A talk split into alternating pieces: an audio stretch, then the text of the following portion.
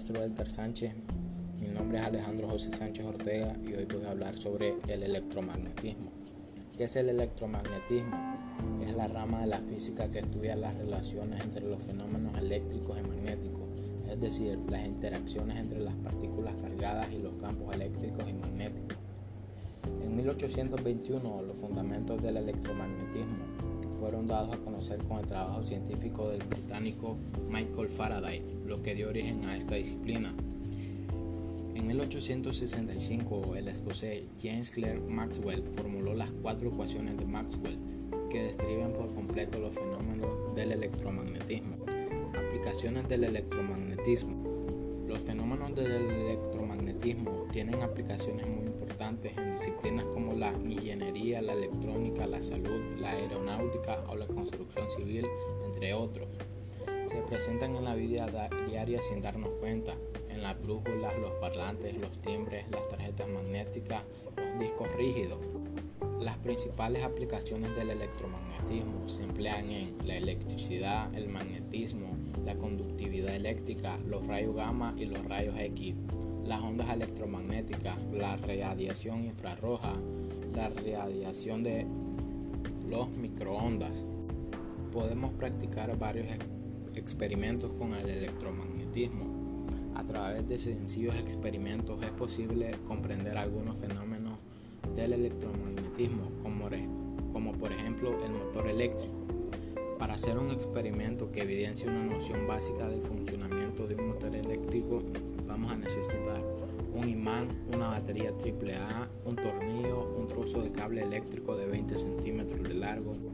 El primer paso sería apoyar la punta del tornillo sobre el polo negativo de la pila y apoyar el imán sobre la cabeza del tornillo. Se podrá, se podrá ver cómo los elementos se atraen debido al magnetismo. El segundo paso es unir los extremos del cable con el polo positivo de la pila y con el imán que está junto al tornillo sobre el polo negativo de la pila. El resultado será el circuito pila, tornillo, imán, cable, por el que fluye una corriente eléctrica que atraviesa el campo magnético creado por la fuerza del imán y que ésta gira a gran velocidad debido a una fuerza tangencial constante llamada fuerza de Lorentz. Por el contrario, si se intenta unir las piezas invirtiendo los polos de la pila, los elementos se repelen.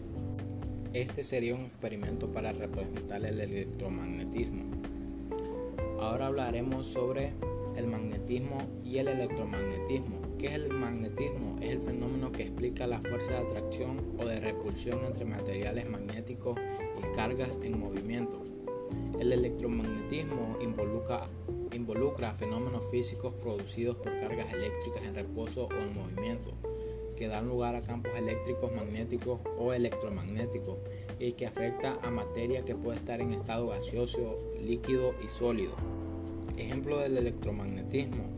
Existen numerosos ejemplos del electromagnetismo y entre los más comunes se encuentran el timbre, que es un dispositivo capaz de generar una señal sonora al pulsar un interruptor funciona a través de un electroimán que recibe una carga eléctrica, lo que genera un campo magnético que atrae un pequeño martillo que impacta con la superficie metálica y emite un sonido.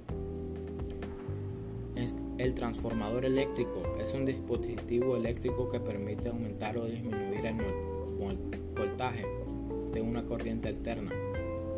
El motor eléctrico es un dispositivo que convierte la energía eléctrica en energía mecánica, produciendo movimiento por acción de los campos magnéticos que se generan en su interior. El horno de microondas es un horno eléctrico que genera radiaciones electromagnéticas en la frecuencia del microondas. Estas radiaciones hacen vibrar las moléculas de agua que poseen los alimentos, lo que produce calor de manera rápida cocinando los alimentos. La resonancia magnética es un examen médico a través del cual se obtienen imágenes de la estructura y composición de un organismo. Consiste en la interacción de un campo magnético creado por una máquina, el resonado magnético, que funciona como un imán, y los átomos de hidrógeno contenidos en el organismo de la persona. Esos átomos son atraídos por el efecto del imán y generan un campo electromagnético que es captado y representado en imagen. También está el micrófono, que es un dispositivo que detecta la energía acústica, que es el sonido, y la transforma en energía eléctrica. Lo hace a través de una membrana o diafragma que es atraída por un imán dentro de un campo magnético y que produce una corriente eléctrica que es proporcional al sonido recibido. También está el propio planeta Tierra en el que vivimos. Nuestro planeta funciona como un imán gigante debido al campo magnético que se genera en su núcleo, formado por metales como el hierro y el níquel.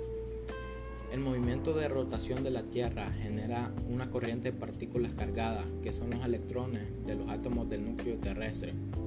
Esta corriente produce un, campo magnético que se extiende a varios kilómetros por encima de la superficie del planeta y que repele las radiaciones solares que son perjudiciales para el ser humano. La historia del electromagnetismo empieza en el 600 a.C. con el griego Tales de Mileto. Observó que al frotar un trozo de ámbar, este se cargaba y era capaz de atraer otros trozos de paja o pluma.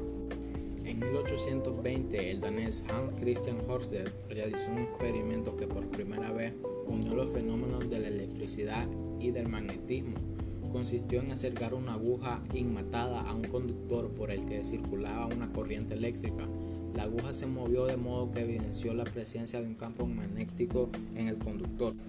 Y en 1826 el francés Anne Marie desarrolló la teoría que explica la interacción entre la electricidad y el magnetismo denominada electrodinámica. Además fue el primero en denominar a la corriente eléctrica como tal y en medir la intensidad de su flujo. En 1831 el físico y químico británico Michael Faraday descubrió las leyes de la electrolisis y la inducción electromagnética. Y en 1865 el escocés James Clerk Maxwell dio a conocer los fundamentos del electromagnetismo al formular cuatro ecuaciones de Maxwell que describen los fenómenos electromagnéticos. Hasta aquí ha llegado mi podcast, profe. Muchas gracias.